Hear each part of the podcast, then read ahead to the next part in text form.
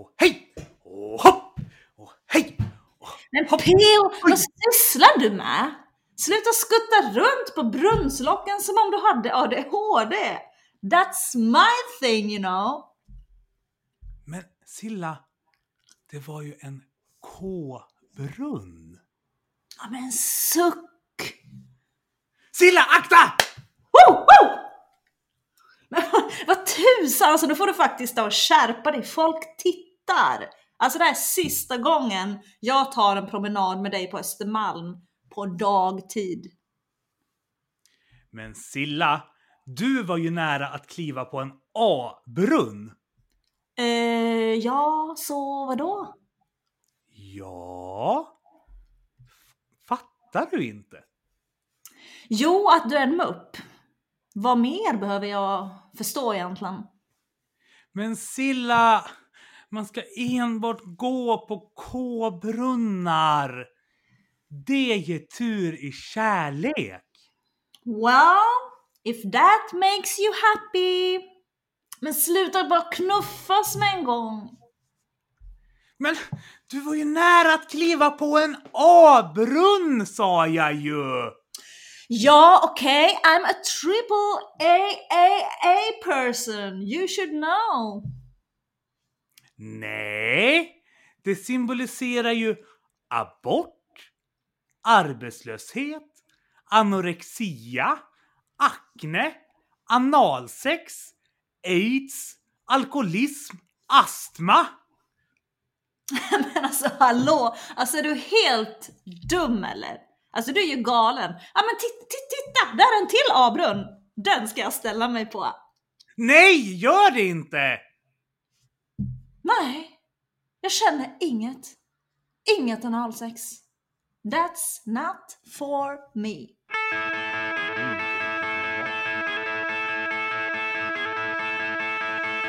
Varmt välkomna till Kristna Datingpodden. En livsstilspodd om kärlek, relationer och sexualitet. Med mig, P.O. Flodström, och mina båda kollegor Silla Eriksson och Lars Gunther. Podden presenteras i samarbete med kristendate.se. Välkommen till Kristna Datingpodden! Ännu ett fantastiskt avsnitt med mig och Silla. Ja, välkommen och speciellt välkommen får vi säga till alla våra nya lyssnare. För med tanke på dagens ämne så räknar vi ju med cirka 25% fler lyssnare. Ja, det här med sex ger ju rejält ökade lyssnarsiffror. Även bland kristna. Det såg vi efter det senaste avsnittet vi hade om sex. Det är ju det mest lyssnade avsnittet hittills. Eh, kolla gärna in det, ni som inte har kollat det än. Det heter 50 Shades of Silla. Så Silla, jag tror vi kan dra slutsatsen att sex säljer. Även på den kristna scenen. Ja, det gör det verkligen. Och det tycker jag är eh, väldigt intressant faktiskt. Alltså vad är det egentligen som gör sex så intressant? Alltså det är ju intressant, det tycker ju faktiskt jag också, det vet ju alla vid det här laget. Men eh, jag tycker ju egentligen att avsnittet med exempelvis Alf under temat Hur hittar jag min livspartner? Det borde ju vara mera populärt. Alltså jag menar, man måste ju hitta en partner först för att ens kunna ha sex. Well, jag tror det handlar om Silla att eh, hedonismen blivit liksom den latenta kulturella normen som i praktiken ersatt kristendomen. Även om vi liksom oftast föredrar att prata om senmodernism och sekulärhumanism. För jag menar, vad blir egentligen vår huvudsakliga drivkraft om begrepp som helgelse och lärjungaskap tappar sin mening? För mig så blir nihilismen i så fall fullt logisk, eller ja, nihilismen, hedonismen som är en form av positiv nihilism. Att liksom optimering av den egna individuella njutningen blir överordnad allt annat. Och då blir det sex Sex, sex, sex, sex, sex, sex, sex, sex. nu kommer den teologiska PO fram här igen, men ja, jag kan hålla med dig om att hedonismen absolut, det har blivit en kulturell norm definitivt, även på den kristna scenen. Men eh, PO, berätta, hur har din eh, vecka varit? Jo, jag börjar komma tillbaka på banan igen. Eh, jag begravde ju en vän som var som en bror till mig i lördags, vilket eh, väckte en otrolig saknad för honom. Och så påminner det ju, även alla ni som har varit på begravningar vet ju att man minns ju även andra människor som man har förlorat i sitt liv. Då. Det gjorde ju även jag. Fast samtidigt, Silla, så har jag i Mhm. motsats till vad du brukar tro faktiskt börjat lyssna på dig ibland. Mhm. Eh, Så inför begravningen så förberedde jag mig genom att hänga med positiva och peppiga människor som gav mig massa energi. Eh, vilket gjorde att jag klarade av att tömma mig själv på den energin dagen efter då när jag åkte till Gävle på begravningen. Eh, utan att gå in i lockdown-läge så. Eh, för det, det gör min hjärna annars just nu lite för ofta efter vårens utmattningsdepression och så som orsakades av sviterna från skilsmässan. Eh, men dina tips funkar ibland Silla, trots att du är en Mm. moderat. Men well, eh, idag mår jag faktiskt oförskämt bra. Jag kom precis hem från en härlig skogspromenad med Tommy som var på glatt och peppigt humör för ovanlighetens skull. Ut och gick där med hundarna i solnedgången. Kändes eh, superglorious. Och inte minst Silla, som jag brukar säga till dig, det är omöjligt att inte vara lite glad när man hänger med dig. Ja men tack PO, detsamma. Alltså, det känns som vi triggar så här varandras energi ändå så här på ett bra sätt och det tycker jag är väldigt fint och bra faktiskt. Sen måste jag ju säga PO, när man lyssnar på dig ibland så inser man alltså hur orkar du egentligen? Ibland känns det som att du har någon så extra liksom super power-knapp man kan trycka på liksom. Jag vet inte hur man liksom får den där superpower, men jag känner liksom att mina problem känns plötsligt väldigt små i jämförelse med dig när jag lyssnar på dig. Så jag vet inte, jag, jag, jag känner jag skulle aldrig palla det som du har varit med om, om jag ska vara helt ärlig. Det är ju inte syftet med att vara öppenhjärtig mot dig Silla. Det värsta jag vet är ifall människor börjar liksom jämföra sina problem mot varandra. För att, bara för att jag har varit med om saker som eh, du uppfattar som väldigt allvarligare än någonting som du är ledsen eller nedstämd över så Mm. betyder inte det att du ska ha dåligt samvete över ditt dåliga mående och börjar du få det då tänker jag sluta vara så här. Ja, ja, nej. Vi har alla olika typer av problem, absolut. Så är det. Eh, Men Silla, hur har din vecka varit? Lika glorious som vanligt? Eh, nej, alltså faktiskt inte alls glorious. Det regnar på Östermalm, alla människorna är jobbiga och dessutom så var min favoritglass på Hemköp slut. Proteinglassen slut på Hemköp? Ja, men jag har tröstätit en hel låda med lintkulor istället så att um, Wow, det skulle inte ens jag ha klarat av. så här 400 grams låda så att nu är jag ganska mätt på choklad kan jag säga. Men eh, min kropp, eh, den är liksom sjukt duktig på att förhandla ibland. Jag vet inte hur era Okej. kroppar funkar men eh, min, min kan, så, här, så här kan det låta liksom ibland när min kropp ska förhandla. Kan, kan jag få vara kroppen? Ja, du får kroppen. Du, jag är desperat. Jag behöver lite fett och socker. Hjärnan, min hjärna då. Okej, vad är du ute och fiskar efter? Åh, men snälla, snälla, snälla, snälla, snälla. Jag vill bara ha en pytte, pytte, pytte, pytte, pytteliten bit choklad. Alltså en bit, du vet alltså det funkar inte så. Alltså det är hela chokladasken eller inget alls som gäller. Åhå, men alltså jag tar gärna en hel chokladlåda. Ja det kan jag tro. Men så kul ska vi inte ha det. Glöm inte att nej, så mycket socker är inte bra för dig. Men kom igen nu! Det är ju gott, gott är gott, gott, gott!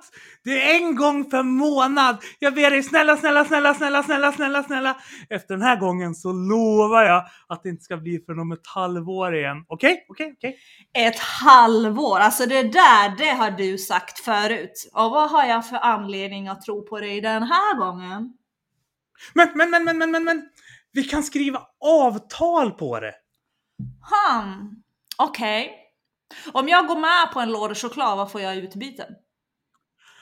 Um, jag lovar att jag ska träna varje dag och att du ska få de där efterlängtade magrutorna som du tjatat om så länge. Du kommer se ut som en civilekonom. Ooh, seriöst? Magrutor? I'm totally in! Men Silla, om vi ska vara lite allvarliga. Ja. Det, det, här är första gången som jag under det halvåret vi har känt varandra hört dig så här, ge uttryck för att du är nere och att så här, livet känns lite tungt. Så mm. eh, du brukar alltid vara så här glad och pepp och glorious och extra allt och lollipops och små mm. rosa moln. Mm. Eh, vad är det som, eller hur är det? Nej, men alltså det är inte lollipops och solsken och rosa moln faktiskt. Jag är, nej, jag är faktiskt inte riktigt på topp. Det känns som att allt och alla är liksom mot mig just nu och jag inser att det här med att gå med Gud är ingen individuell sport, det är en teamsport. Och um, jag tror att mitt primära problem just nu är att Alltså jag faktiskt inte har människor runt mig som jag känner att jag kan ty mig till. Och framförallt så tror jag också att jag behöver människor som ber för mig och jag tror att jag också behöver en kyrka att gå till just nu. Um, men det är inte så lätt i den här stan. Alltså jag känner nog inte kanske riktigt att jag har hittat rätt, du vet, så här bland människor och kyrkor och, och sådär. Det är inte så lätt att slå sig in i den här stan, känner jag. Jag känner mig faktiskt rätt ensam och, och lost just nu på något vis. Um, och så det var mycket lättare faktiskt, om jag ska vara helt ärlig, när jag jobbade med Ride of Fate. Då hade jag liksom hela Sverige var liksom bakom mig liksom. Hela Sverige bad, USA bad, till och med Norge var med på ett hörn. Jag kände mig hela tiden liksom så buren och jag liksom fick se mirakler hela tiden och det liksom jag vet inte, det kändes annorlunda men plötsligt nu så bara så står jag helt själv med ett berg framför mig som jag bara inte vet hur jag ska hantera just nu.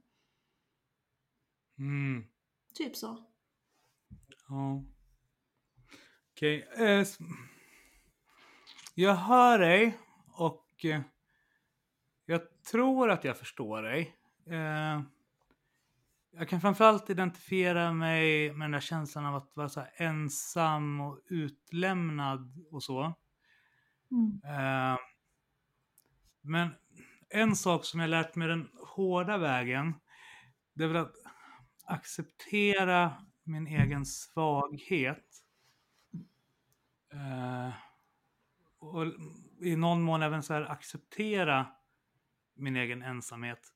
Eh, när min familj dog så var jag tyvärr omgiven av människor som påförde skuld och skam över att jag var ledsen och inte mådde bra. De var vana att jag, så här, på den tiden min familj levde, jag var ju som dig fast tio resor värre. Liksom, du hade blivit stressad av att vara i närheten av mig för att jag liksom mm. var all over the place. Liksom. Mm. Eh, och när jag slutade liksom vara den här superpeppiga, glada personen som fixade tre fester i veckan, alltid fanns tillgänglig telefon ifall någon var ledsen över att eh, någon kille inte hade hånglat med den eller att någon tjej hade legat med deras bästa kompis. Alltså så här, jag var tillgänglig, jag var glad, jag var peppig, jag var stödjande. Sen kom den här perioden och jag orkade inte riktigt vara det längre. Och då var det en del då som hanterade det genom att säga att jag var patetisk, som inte klarade av att fungera. De sa att jag skulle rycka upp mig och tänka på att det fanns de som hade det värre. Så att det jag nog vill säga till dig Silla, det är att du ska inte rycka upp dig. Eh, Gud kräver inte det av dig och finns det människor mm. i din mm. omgivning som du upplever kräver det av dig så fuck off, säger jag bara till dem. Ja, man säga inte gräva ner sig heller. Jag, jag tror inte det är sunt heller. Någonstans måste man rycka upp sig, liksom peppa upp sig själv och fylla sig själv med rätt saker. Det kanske är liksom att jag lite kanske tvekar på mig själv och min förmåga också på något sätt. Ja, fast samtidigt så tror jag att Gud vill möta dig i smärtan och uppgivenheten. Han vill visserligen att både du och de som lyssnar ska veta att ni är hans älskade barn och att ni kan vila tryggt och inneslutna i hans kärlek. Men det betyder ju inte, som en del ibland nästan ger uttryck för, att det du känner just nu skulle vara ett utslag för att du är svag i tron eller så.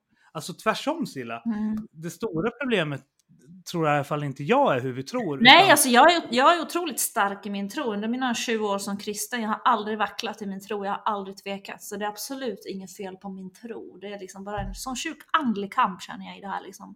Och jag behöver Ja. stöd i det känner jag. Jag skulle behöva en mentor P.O. Jag måste skaffa mig en mentor tror jag. Tror jag. Du och jag ska ju gå en duell med Stefan Svärd nästa lördag eftermiddag. Så ifall du vinner den duellen så kan vi ju ha då som pris att eh, han ska bli din mentor.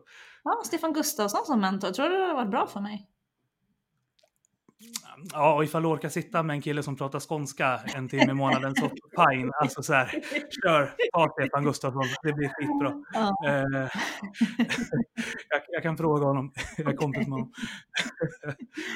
men, men oavsett, Silla, jag vill bara uppmuntra dig och de som lyssnar att så här, våga komma till Gud med din ångest och liksom lägg ner den hos honom utan att känna någon press eller stress om att tvinga dig själv till att känna dig bättre, utan låt bara Gud omfamna dig och ta den tid du behöver. Mm. Lyssna på lovsång eller lyssna på Mm. musik som kanske inte är så peppig. Det finns jättemycket kristen musik som handlar just om det här om hur våra själar och hjärtan är fulla av sår, men hur Gud älskar oss så evinnerligt mycket att han med sina tårar liksom vill läka de sår vi har. Eh, Mm. Får jag läsa en jättekort grej för dig? Jag vet att du brukar kunna zooma ut när jag blir för långrandig. Att- Men en, en textrad som alltid har varit jättebetydelsefull för mig och som min moster Ulla alltid har sjungit på eh, begravningar inom min familj. Eh, det är en sång som går så här att det enda som bär när allting annat vacklar det är Guds nåd och hans barmhärtighet. All jordisk berömmelse och glans den slocknar när sist vi står hos Gud i härlighet. Det enda jag vet, det är att nåden räcker, att Kristi blod min synd och min skuld betäcker. Det enda jag har att lita till en gång, det är Guds nåd. Guds gränslösa nåd. Och jag vill att du ska veta att jag alltid ber för både din lycka, trygghet och välgång. Men, Mm, tack Får jag spela en- var fint. men får jag spela en sång till dig för att försöka muntra upp dig lite grann? Ja, men du har redan muntrat upp mig P.O. Men eh, en sång är aldrig fel. Ja, Maria Bergström Gustin har skickat in en sång till våran podd och den är jättebra. Mm. Men då lyssnar vi på den tycker jag. Ja, den heter Jesus, vem är som du?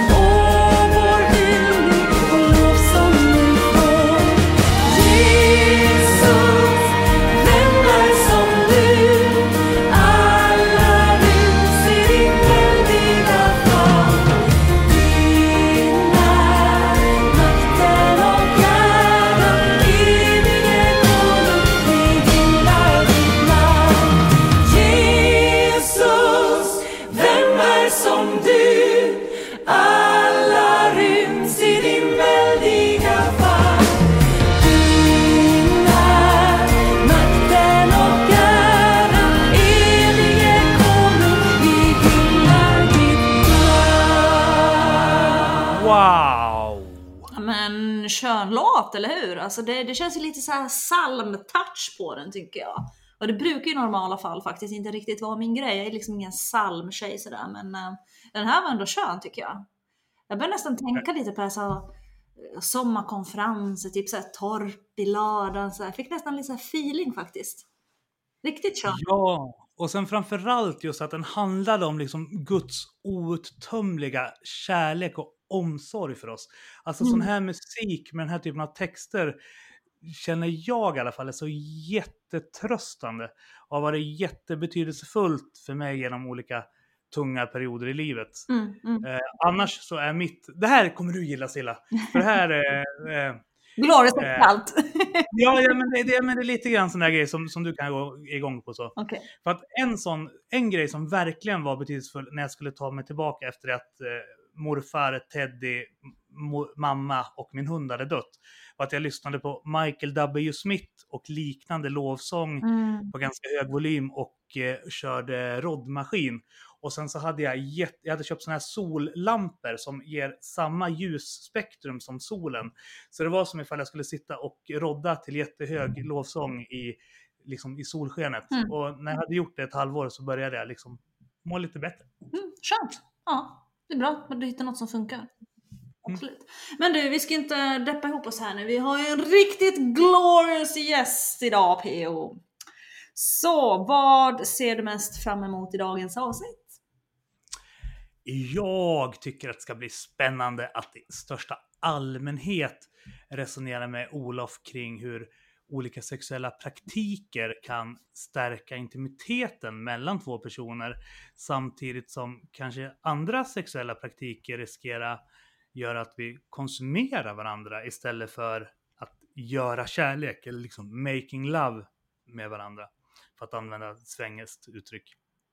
Alltså så här, det engelska uttrycket är ju så sjukt mycket mera glorious än det svenska. Alltså så här, vad har vi för svenska uttryck? Ligga, Ja, det är ju så Knulla. Ligga, älska. ligga. penetrera, kopulera, men alltså här, making love. Ja. Alltså där snackar vi glorious. Alltså så här, Mm. göra kärlek med den personen du älskar. Jag tycker det är jättevackert. Mm. Engelskan har generellt mycket bättre uttryck ibland för grejer än vad mm. vi i Sverige har.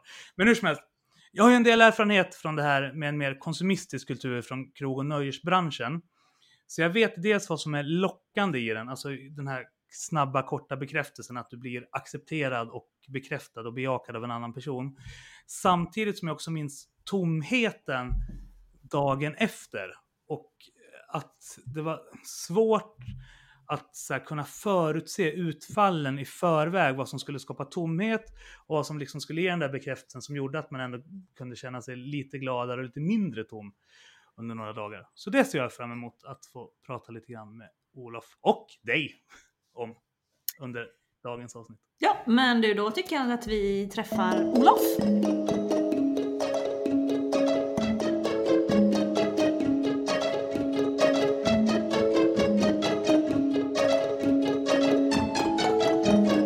Välkommen tillbaka till Kristna Datingpodden Olof! Du har ju varit gäst här hos oss förut och det blev ju succé! Mm. Det är väldigt många av våra lyssnare som har faktiskt hört av sig och sagt att vi måste bjuda in dig igen. Så nu äntligen så får vi ha dig här igen. Så himla roligt, verkligen. Ja, Ja, verkligen roligt Olof att ha dig här igen. Vi på KDP, vi gillar ju att snacka sex, en del av oss mer än andra. Och jag var skyldig Svärden idag-redaktionen en tjänst. Där Kim krävde att jag skulle återkalla dig för att han skulle lösa mig från min skuld. Så dagens avsnitt ser vi alldeles extra fram emot och det gör som sagt våra lyssnare också. Gott att höra. Verkligen! Men Olof, kan inte du berätta lite bakgrunden till ditt engagemang i de här frågorna? Eh, ja, nej, men det kan man ju fråga sig. Eh, alltså, I grunden är det väl så här att jag har alltid varit intresserad av hur vår tro påverkar våra liv. Eh, så jag har ju ändå kommit in i de här frågorna mycket utifrån det, alltså utifrån att jag är kristen och att jag är intresserad av hur kan vi utforma våra liv utifrån Jesus som vår förebild. Lärjungaskapet som vi ibland kallar det. Eh, Och eh, sen är förstås det här ämnet intressant också av helt andra skäl. Men, men, men det som gjort att jag har engagerat mig i det har ju ändå med det att göra. Eh, Och så har jag ju märkt då samtidigt att eh, väldigt få talar egentligen om de här sakerna i kyrkans värld. Det är ju lite ironiskt det här för att det finns något slags rykte om att i kyrkan talar man bara om sex. Och jag brukar säga att jag har inte varit i de församlingarna. Jag har knappt hört en predikan om det här i Sverige i alla fall. Mm. Ehm, men, men eh, det har väl också sporrat mig att vara med och fylla i luckorna lite. Att det som, som inte så många andra tar har jag väl ibland upplevt att ja, men då kanske det är någonting för mig att försöka fördjupa mig i. Så jag har undervisat tidigare om det här på flera ungdomsläger och så. Ehm, och sen var det väl då 2013 som jag lite mer definitivt satte mig ner och började formulera på min blogg eh, i en serie, att lite mer systematiskt och också då offentligt eh, ja, vad ska man säga, komma ut, vara tydlig, eh, bearbeta de här frågorna. Och det blev faktiskt nästan 20 artiklar i den här serien, så att eh, där blev väl jag offentlig i frågan om Bibeln och sex. Mm. Ja.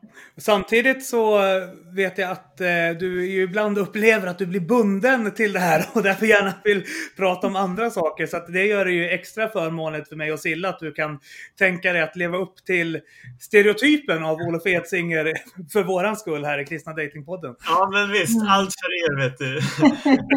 Nej, men det kan jag väl också bara få säga då att jag har skrivit 16 böcker och långt ifrån alla har handlat om detta, så att jag är absolut ingen enfrågig person.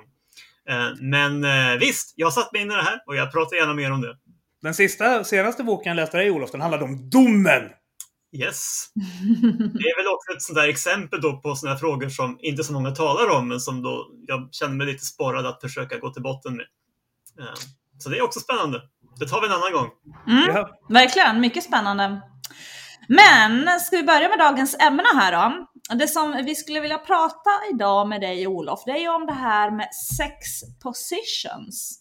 Alltså Mm. vi har ju då hört att det finns sexställningar som anses vara lite mera glorious, lite mera bibliska än andra.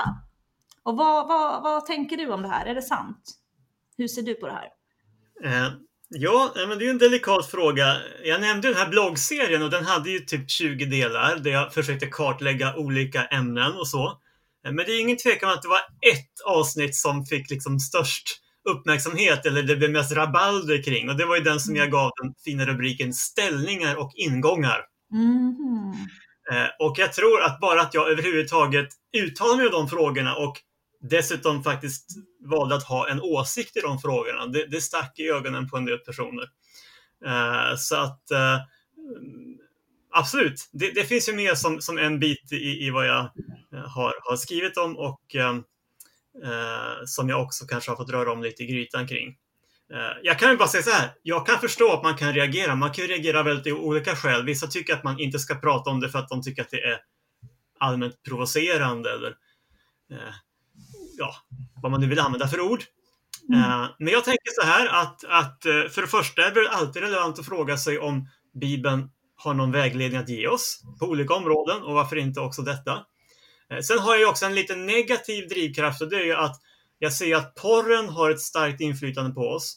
Eh, och det påverkar ju faktiskt den här frågan för att om det är någonstans man experimenterar med väldigt mycket ställningar och ingångar eh, så är det väl just i porrens värld. Och jag säger inte att allt är fel, men det finns en, en liten mörk underton där, där jag också ser att Eh, jag, har jobbat mycket med unga också, där jag märker att många unga känner sig pressade att göra saker som de faktiskt kanske egentligen inte ville.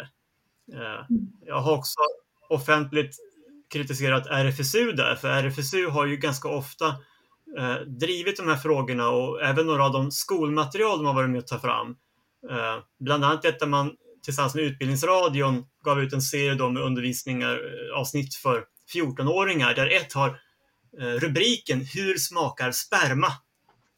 Och då tänker jag så att när man, när man sätter den rubriken på en undervisningsfilm i skolan för 14-åringar, då, då sätter man också en standard där man kanske indirekt i alla fall pressar unga människor att tänka att det här borde jag ha erfarenhet av som 14-åring. Och jag tillhör de som tycker att man kanske inte alls borde ha den erfarenheten. Så där finns en sån liksom press som gör att jag känner att okej, okay, låt oss bena ut lite grann mer. Vad, vad kan en, en kristen hållning i de här frågorna vara? Mm, mm. Men jag tänker att det många nog funderar över, det är eh, det som har sagts i en del mer konservativa kristna sammanhang, betydligt mer konservativa än de miljöer du befinner dig i, Olof. Om att en del sexställningar är mer bibliska än andra. Och om vi ska bli väldigt konkreta då, alltså det finns ju en nidbild av pingstvänner kanske om att vi har bara sex i missionärsställningen under täcket med släckt lampa varannan lördag i reproduktionssyfte. eh, det, det, det, det som är en strålande sammanfattning. Ja. ja, så det som är syftet med frågan är väl lite grann så här. Eh, var kommer de här idéerna ifrån? Att till exempel då, inte vet jag, Doggy Style skulle vara oglorious. Eller att eh, Cowgirl är okej, okay, men Reversed Cowgirl är inte okej. Okay. Alltså, förstår Mm. du Mm. frågan?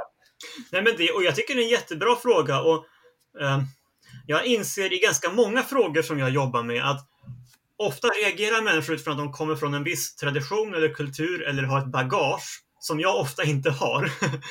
Eh, så jag tycker också att den kultur du beskriver Pio, den finns och den är en reducering av den, den frihet och frimodighet jag tror vi kan ha som kristna. Jag tror att det finns absolut eh, utrymme för att få, få både experimentera och blomma i sin sexualitet tillsammans med sin partner eh, på ett sätt som vi absolut inte ska vara för snabba att dra gränser för. Eh, jag köper det. Eh, sen får vi vara lite mer konkreta här snart kanske och, och, och säga ändå några saker kring, kring var jag ändå vill dra några gränser. Men absolut, utgångsläget för mig det är att eh, låt oss vara inte så ängsliga när det gäller det här. Jag tror att det som är tanken lite grann med att kategorisera vilka sexställningar som är halal och vilka sexställningar som är haram handlar om att man tänker sig då att en del eh, sexpositioner stärker till, inte, om inte till medvetenhet, så i alla fall till intimitet. Eh, Medan andra sexställningar då bidrar till att vi får en mer konsumistisk syn på varandra. Eh, har ni några tankar kring det?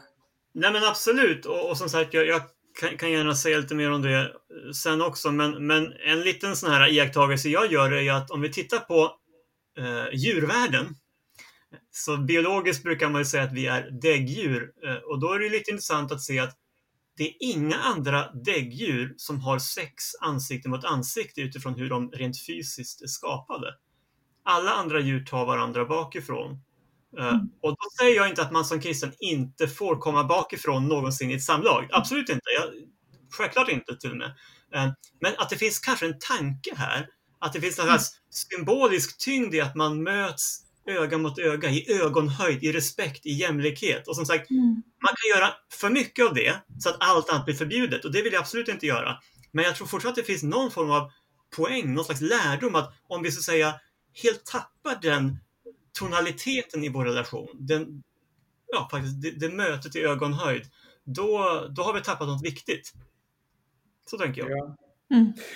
Sen då, ifall vi ska gå över till veckans heta potatis. Jag vet inte Olof, du är vän med både mig och Silla på Facebook och vi eh, interagerar ju med varandra kors och tvärs där. Så du vet ju vad som komma skall nu. Så håll i dig Olof, eller håll i öronen. Ja, vi har med oss allihopa. Jag ska säga A-ordet. Yes, Vi ska prata om analsex. Och det har ju varit, eh, ja, det hör ju, nu fick jag en censurpling bara av att jag tänkte ordet. Men det har ju varit en del potatis den här veckan. Det Verkar vara mycket tankar och åsikter kring det här. Ehm, vi på Kristna Datingpodden blev ju anklagade för att förespråka våldtäkt på barn, eh, kvinnomisshandel, och, eller ja, jag tror för att det var oralsex som var kvinnomisshandel, medan analsex var ett uttryck för att vi ville våldta barn. Men om vi ska försöka hantera den här frågan på samma seriösa sätt som RFSU skulle ha hanterat den, eh, så är det inte så simpelt som att analsex enbart är någon form av djurisk utlevnad, en perversion av den mänskliga sexualiteten. Jag har pratat jättemycket med olika tjejkompisar om det här och det tycks vara så att det finns tre huvudspår eh, kring de som bejakar analsex i heterosexuella relationer. Dels en del kvinnor som inte kan få vaginal orgasm eh, överhuvudtaget. Eh, sen de som kan få det via oralsex, alltså oralsexorgasm via stimulans på blygdläppar eh, och analsex, men de kan inte få det via G-punktsstimulering. Eh, alltså av att eh, ollonet når G-punkten och gör den stimuleringen. Och sen eh, den tredje kategorin då, som kan få alla tre former av orgasmer. Sen finns det ju en fjärde kategori som eh, tycker att analsex är pest och pina och gör det för att eh, deras partners har suttit och kollat på konstiga filmer på Pornhub. Eh, Silla håller på att göra en dokumentär om det här, bland annat om hur den moderna pornografin skapar felaktiga förväntningar på sexlivet hos människor i allmänhet och hos unga tonåringar i synnerhet. Men jag tänker det är viktigt för de lyssnare som delar erfarenheten av den här kategori 1, 2 och 3 att det också nämns. Mm. Eh, att analsex ur kvinnlig synpunkt även kan vara en njutningsfull upplevelse och i kategori 1 den enda sättet de eh, har upplevt orgasm. Men Olof, vad säger du om det här med analsex? Ja, nej men, och det är jätteintressant att höra eh, din research här. Eh, och jag är absolut inte fullärd i de här frågorna och, och det, eh, ja, det behöver jag kanske inte ens be om ursäkt för, men, men så är det. Eh, jag har funderat en del dock eh, och jag kan faktiskt säga att min ursprungliga hållning var väl att det här är kanske inte så mycket att bråka om så att säga. Eh, jag har i grunden en ganska fri syn att det som sker i ömsesidighet inom, som jag då tänker är ett äktenskap, Eh, det, det är som sagt inte mycket att bråka om. Eh, det finns dock några faktorer att väga in här. Eh, om jag får ge en lista på fyra konkreta sådana saker så har jag tänkt att dels, du har en helt annan bakteriekultur i ändtarmen. Det är helt uppenbart att om man säger, men vaginalt sex, vaginan är skapad för att ta emot. Och, och det finns alla möjliga så att säga, ehm, fysiska förutsättningar som, som pekar på det. Um, vi vet att analsex kan skapa skador i ändtarmen. Uh, jag såg en undersökning från Kanada uh, där kvinnor som hade prövat analsex hade 50% högre risk för det man med ett tjusigt ord kallar för avföringsinkontinens. Uh, och för män var siffran tre gånger högre. Och då, det de också sa att det kan räcka med en enda gång om man eh, har sämre förutsättningar för att en sån avföringsinkontinens kan, kan uppstå. Det är en ganska allvarlig problematik, tänker jag. Mm. Eh, Det är också intressant att, att det här med eh, blodsmitta är ju oändligt mycket större risk för vid analsex. Det är alltså 50 gånger högre risk eh, att smittas med hiv eller annan blodsmitta när man har analsex jämfört med vaginalsex. Eh, och det är därför som män som har sex med män då, som man brukar uttrycka det, måste vänta 12 månader från sin senaste sexuella relation innan man får ge blod i Sverige. Uh, Så det finns helt enkelt lagar som, som reglerar. Du får inte ge blod för att det är sånt oproportionerligt mycket större risk att du är smittad om du har analsex. Och någonstans, de här fyra iakttagelserna för mig tyder ju på att det här kan inte vara Guds A-plan, om jag får uttrycka mig så. Uh, för inga av de här problemen finns ju vid vaginalt samlag. Um, och uh, där finns som sagt skapelseargument att uh, jag, när jag skrev min artikelserie för länge sedan, då, då landade jag i den här formuleringen att analsex är sannolikt en ganska onödig aktivitet. mm. Det var väl min lite mildare sätt att inte peka med hela handen, för det har jag inget intresse att göra. Men att, att ja, det är ganska mycket som tyder på att det här eh, kanske inte är i Guds A-plan. Och jag tänker också att det här med, med eh, vi vet att många känner en press att, att, att ha 06. Mer för att man ska ha testat det än för att man själv längtar efter det. Men samtidigt, P.O. jag köper att det finns också den kategori som du nämner, som människor som, som vill det, som upplever det som lustfyllt och, och så. Um, och jag, jag, tycker det är svårt att, att, ha för mycket åsikter om, om dem, men jag, jag, mina iakttagelser kvarstår ju. Så att jag är, är tveksam till analsex, det är. Mm. Men finns det några teologiska liksom, argument mot eller för det här? Att i Bibeln ja, står det någonting det, om det här? Det som Bibeln lyfter fram, och då kommer vi in på en annan het fråga, men, men den hör ju ändå in här. Alltså, jag menar att Bibeln tydligt markerar mot eh, samkönat sex. Eh, och eh, där vet vi ju att eh, särskilt män som har sex med män då, där, där är det ju analsex som så att säga står till buds. Anal eller oralsex. Ehm, och jag tänker också att det har bidragit till att det här har blivit en sån viktig symbolfråga för de här organisationerna som jobbar mycket för sexuell frigjordhet, både RFSU och RFSL. Ehm, att det är klart att man på ett sätt måste propagera för de här formerna av sex eftersom det är det enda som står till buds i en samkönad relation. Mm. Uh, och det kan på ett sätt komplicera det ideologiska landskapet kring de här frågorna, men jag tycker inte vi behöver fastna där här och nu. Men det är klart, om frågan är vad säger Bibeln, så säger Bibeln att samkönat sex ska vi inte ägna oss åt. Och där finns ju en dimension av analsex, mm. uh, eftersom det är det som står till buds som sagt. Jag vill bara nämna lite kort att jag och Olof har lite olika teologiska slutsatser där kring hur vi ska tolka de här bibeltexterna i den här frågan. Mm. Jag är inte så påläst just på de här texterna så att jag kan tyvärr inte uttala mig i frågan. Men jag respekterar hans exegetik och eh, han brukar i alla fall agera som ifall han respekterar min också. Så att vi kan lämna frågan därhän just nu. Yeah. Yeah. Absolut. Nej, men vi vrider och vänder på de här sakerna. Det, det är det vi gör en sån här kväll och, och mm. här fick ni min ingång. Redan. Mm. Ska vi köra nästa fråga då? Yes! Sen har vi nästa heta potatis här, oralsex. Det är också någonting som um, har, vi har fått ganska mycket frågor om.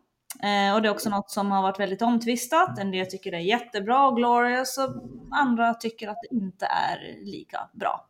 Eller lika rätt och riktigt. Eh, jag personligen tror att speciellt tjejer, att det är många som verkligen gillar det och man kanske förväntar sig att det ska vara ett naturligt inslag i ett förspel helt enkelt. Men eh, vad säger du Olof när det kommer till oralsex? Hiss eller diss? Och finns det någon teologisk motsättning mot oralsex? Alltså, för mig är oralsex en liten annan fråga än analsex. Um, och jag tänker så här allmänt, så sex är ju så mycket. Alltså, det finns så många olika aspekter av, av ett samlag eller av liksom en sexuell gemenskap där hela kroppen är involverad och det är både mm. händer och munnar och könsorgan och bröst och liksom allt, allt finns involverat. Uh, och att även munnen och, och det orala finns där har jag egentligen inget problem med alls. Um, det, det enda jag specifikt tänker att jag eller ja, jag, säger, jag tänker flera saker. Jag ska nog säga flera saker också. Men, men dels finns det faktiskt en liten skillnad mellan könen här. Mm. Eh, du nämner att många kvinnor upplever att oralsex är, är väldigt stimulerande och vi vet att, att många kvinnor eh, inte får orgasm bara genom vaginalt sex. Alltså det finns annan stimulans som, som behöver komma till. Eh, den kan ju dock ske på olika sätt. Man kan ju mm. trots allt beröra varandra och smeka varandra utan att använda munnen. Mm. Så att jag tycker inte man kan säga att, att det, det, måste vara oralsex alltid som är så att säga vägen till det. Men jag vill inte heller så att säga utesluta det på något sätt. Eh, Det jag är lite mindre bekväm med det är faktiskt när mannen tillfredsställs. För det är få män som behöver oralsex för att bli sexuellt stimulerade eller för att uppnå utlösning eller orgasm. Eh, Och särskilt i porren eh, upplever jag att det finns någon slags asymmetri här där man ofta har en känsla av, tycker jag, att en kvinna betjänar mannen på ett sätt som är lite i underläge. Um, och det gör mig lite uneasy. Uh, jag, jag vill inte så att säga slå fast att, att det, är, det är fel. Jag, jag, jag är själv obekväm med det, men det är ju mer en känslomässig fråga.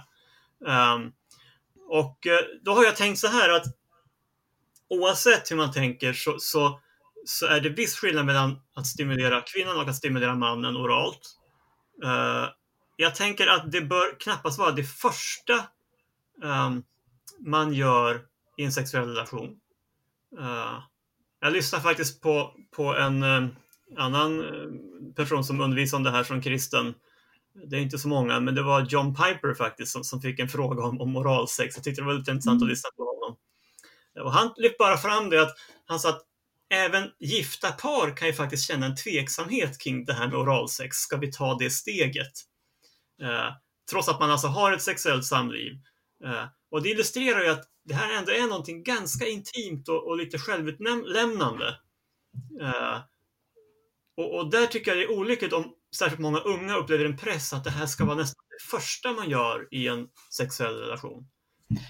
Jag, jag, tänker att många som inte är gifta kanske tänker så här, nej men oralsex det är ju liksom inte riktigt så här att ha samlag ändå. Det är ju inte liksom sex så, det kan man ha trots att man inte är gift sig. Vad tänker du om det?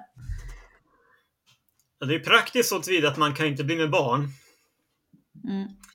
Eh, men jag personligen som jag sa, jag tänker att det här är, det är en väldigt intim handling. Eh, minst lika intim som ett, ett så att säga, vanligt samlag och, och eh, där eh, skulle jag avråda från det utanför ett äktenskap också. Mm. Utifrån min grundhållning att sex hör hemma i äktenskapet naturligtvis. Har man inte den grundhållningen då blir det en meningslös så att säga, Mm. fråga. Men, men, men för mig blir den inte meningslös.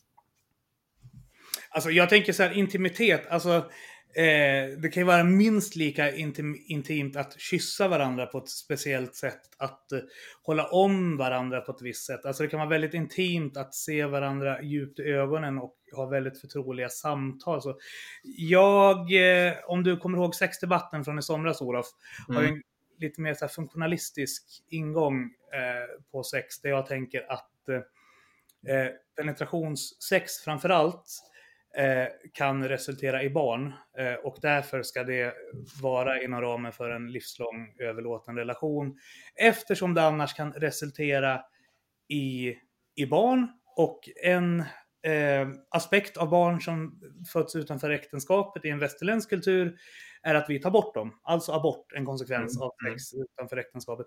Medan oralsex ser jag mer som ett förspel inför äktenskapet. Alltså kanske någonting man firar förlovningen med. Men alltså där utgår jag från, från, från min liksom, Ja, nej, men jag har en, en, annan, en annan hållning där. Sen är det väldigt intressant det här med intimitet, för där har du verkligen en poäng att olika saker är intima för olika människor. Det finns ju till och med människor som skulle säga att sex inte är särskilt intimt. Det är mycket mer intimt att ha ett riktigt djupt och ärligt samtal. Men sex, det är bara någonting man har. Mhm. Men än en gång, då, då vill jag gå tillbaka till, till vad min grundvision för sex. För min grundvision, och det uppfattar jag också är en biblisk vision, Mm. är att det här är något väldigt djupt och något väldigt intimt. Och om det inte är det så är det ett problem. Alltså om, om sex bara blir en konsumtionsvara, då har vi tappat någonting eh, av vad sex egentligen är tänkt att vara. Eh, så att det finns liksom den aspekten också här. Och, och det är klart, vi, vi lever i det här konsumtionssamhället, slit och släng, eh, som också påverkar våra relationer.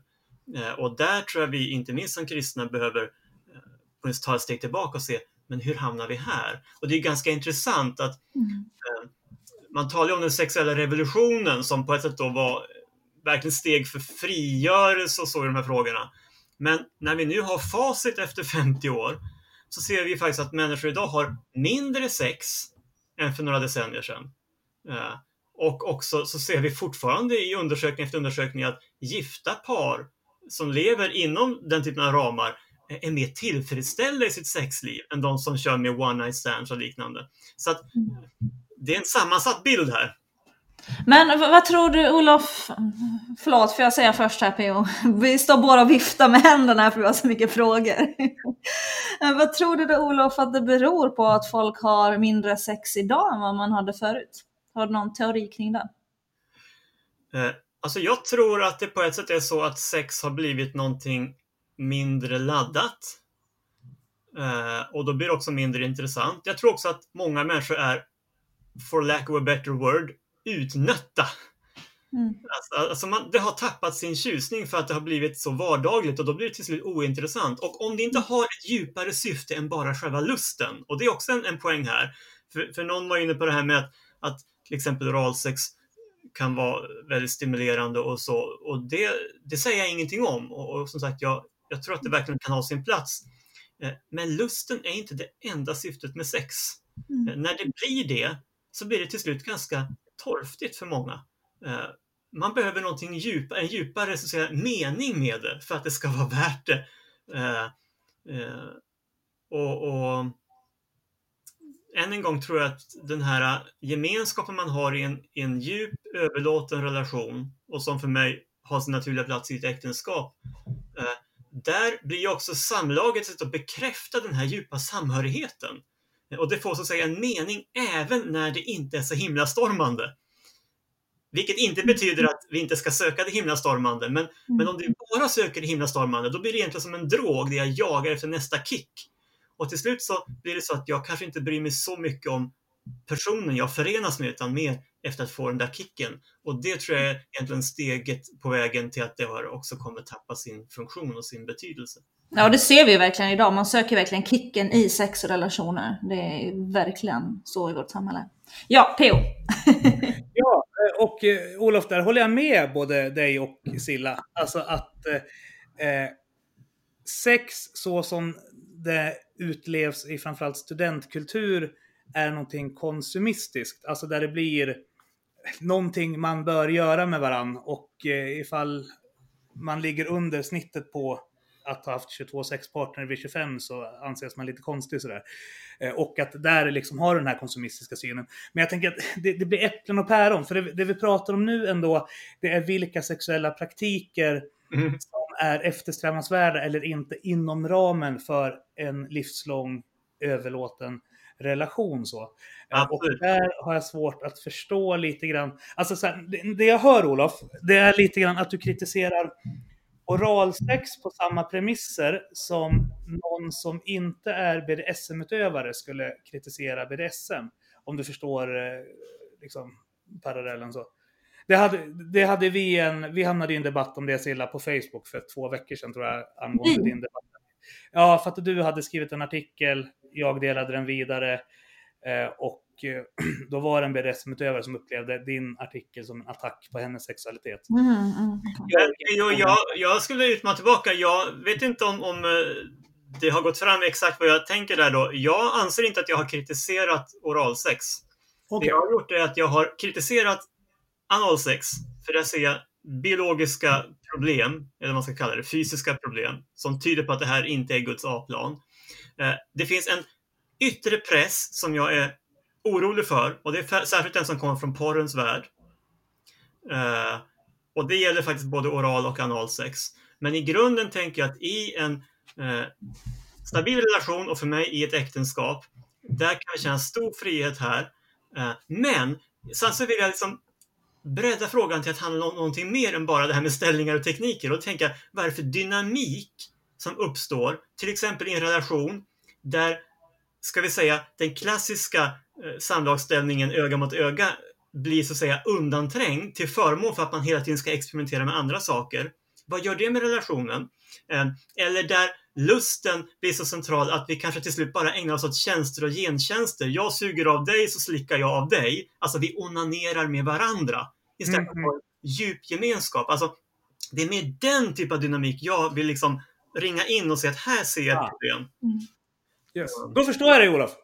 Ja, nej men jättebra. Mm. Och jag tänker också, kärnfrågan för mig i, i alla de här frågorna egentligen, det är vad gör det här med vår relation? Alltså, gör det här att vi fördjupas i vår gemenskap, i vår överlåtelse till varandra? Finns lusten och glädjen och tryggheten där? Ja, då tänker jag, då är nog inte problemen särskilt stora. Då kan vi så att säga göra ungefär vad som helst eh, där de kärnvärdena är bevarade. Men märker vi att vi börjar konsumera varandras kroppar, eh, Mm. märker vi att det skapas in moment av otrygghet, att man upplever att någonstans så trycker den andra på, driver på för, för saker som jag inte innerst inne är bekväm med. Ja, men då har någonstans också en kil tryckts in i vår relation eh, som, som kan få ganska eh, allvarliga följder. Eh, Mm. och, och där tror jag som sagt att den här yttre pressen att vi ska pröva allt möjligt eh, som vi kanske egentligen inte innerst inne längtar efter. Vi vill bara vara intima, vi vill bara vara trygga hos varandra. Ja, men värna då det, tänker jag. Yes. Mm. Silla, har du någon reflektion på det Olof har sagt? Ja, nej, alltså, jag tror att vi tycker ganska lika du och jag Olof kring, alltså jag är definitivt ingen förespråkare av analsex överhuvudtaget. Jag skulle aldrig kunna tänka mig att testa det. Ehm, så att jag, och jag tänker inte heller att vi är gjorda för det. Jag intervjuade faktiskt en överläkare i, på SÖS förra veckan just kring det här och hon sa ju precis det också. Vi är ju inte gjorda vi människor för att ha analsex. Hon har haft så många tjejer, berättar hon, som har kommit in med totalt fruktansvärda liksom, analskador liksom, just som en konsekvens av hårt analsex. Så hon sa, vi är verkligen inte på något sätt skapta för det här, utan det här är någonting som vi på något vis själva har konstruerat. Så jag, min, min personliga hållning är att det, jag tror verkligen inte att det är bra att hålla på med det. Däremot så tänker jag oralsex, det har jag absolut ingenting emot. Det tror jag definitivt att kan ha sin plats. Mm, mm. Men det ska ju vara som du säger Olof, en balans hela tiden. Att det är relationen och liksom intimiteten på något vis som måste vara i centrum hela tiden. Det tror jag verkligen är superviktigt. Och det kan man ju diskutera också. Liksom. Det är så många aspekter och det är så otroligt många också olika, olika faktorer som spelar in där. Um, och det är en utmaning för många par att hitta den här helheten som funkar. Absolut, och det är ingen tvekan om att vissa par, kanske också inom kyrkans värld inte minst, eh, skulle må bra av att få, få våga utmana sig själva lite också här. Att få utforska Mm. lite nya områden. Eh, Men, men naturligtvis eh, inte utifrån en osund press utan utifrån en mer bara livsbejakande liksom, nyfikenhet. Så det, Mm. jag tänker den här lite nidbilden som P.O. målade upp i början som det faktiskt ligger ganska mycket i. Mm. Den, den finns också. Eh, Och så ska vi samtidigt vara medvetna om att faktiskt all forskning visar att eh, ja, både faktiskt kristna och gifta generellt upplever sig mer tillfredsställda med sitt sexliv än alla andra kategorier faktiskt. Och det gäller alltså allt ifrån eh, de som är singlar förstås, men också de som bor sambo, de som är Mm. frånskilda och omgifta. Alltså alla andra kategorier faktiskt uttrycker generellt något mindre tillfredsställelse i sitt sexliv. Och det tyder för mig på att den här trygghetsaspekten, att vi, vi känner varandra, vi förstår varandra, eh, Mm. vi litar på varandra. Alltså, det är så viktigt för också ett gott sexliv.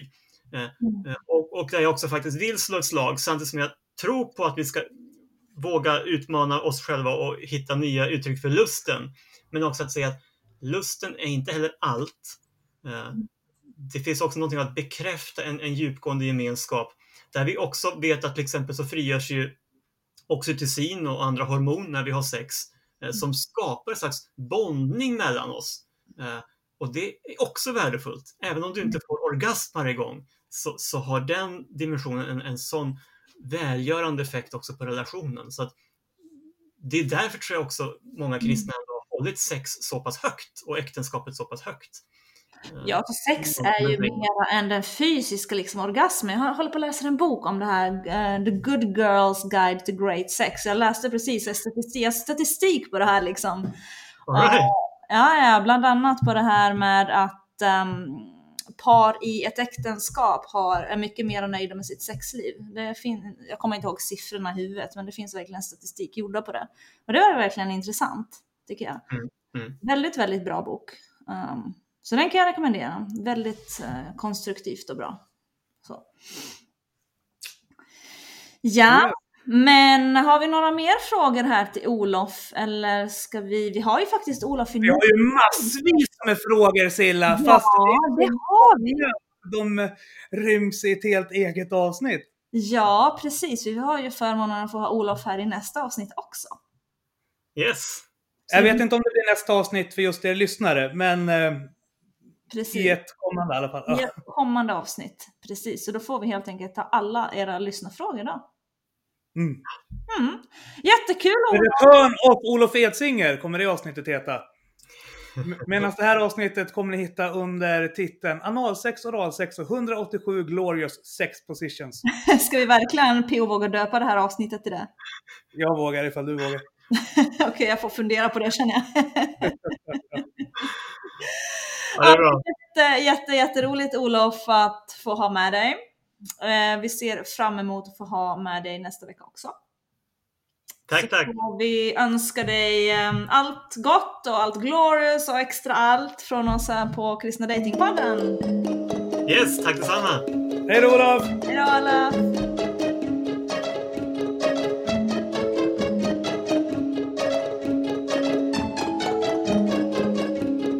Men okej, då börjar vi närma oss slutet av veckans avsnitt.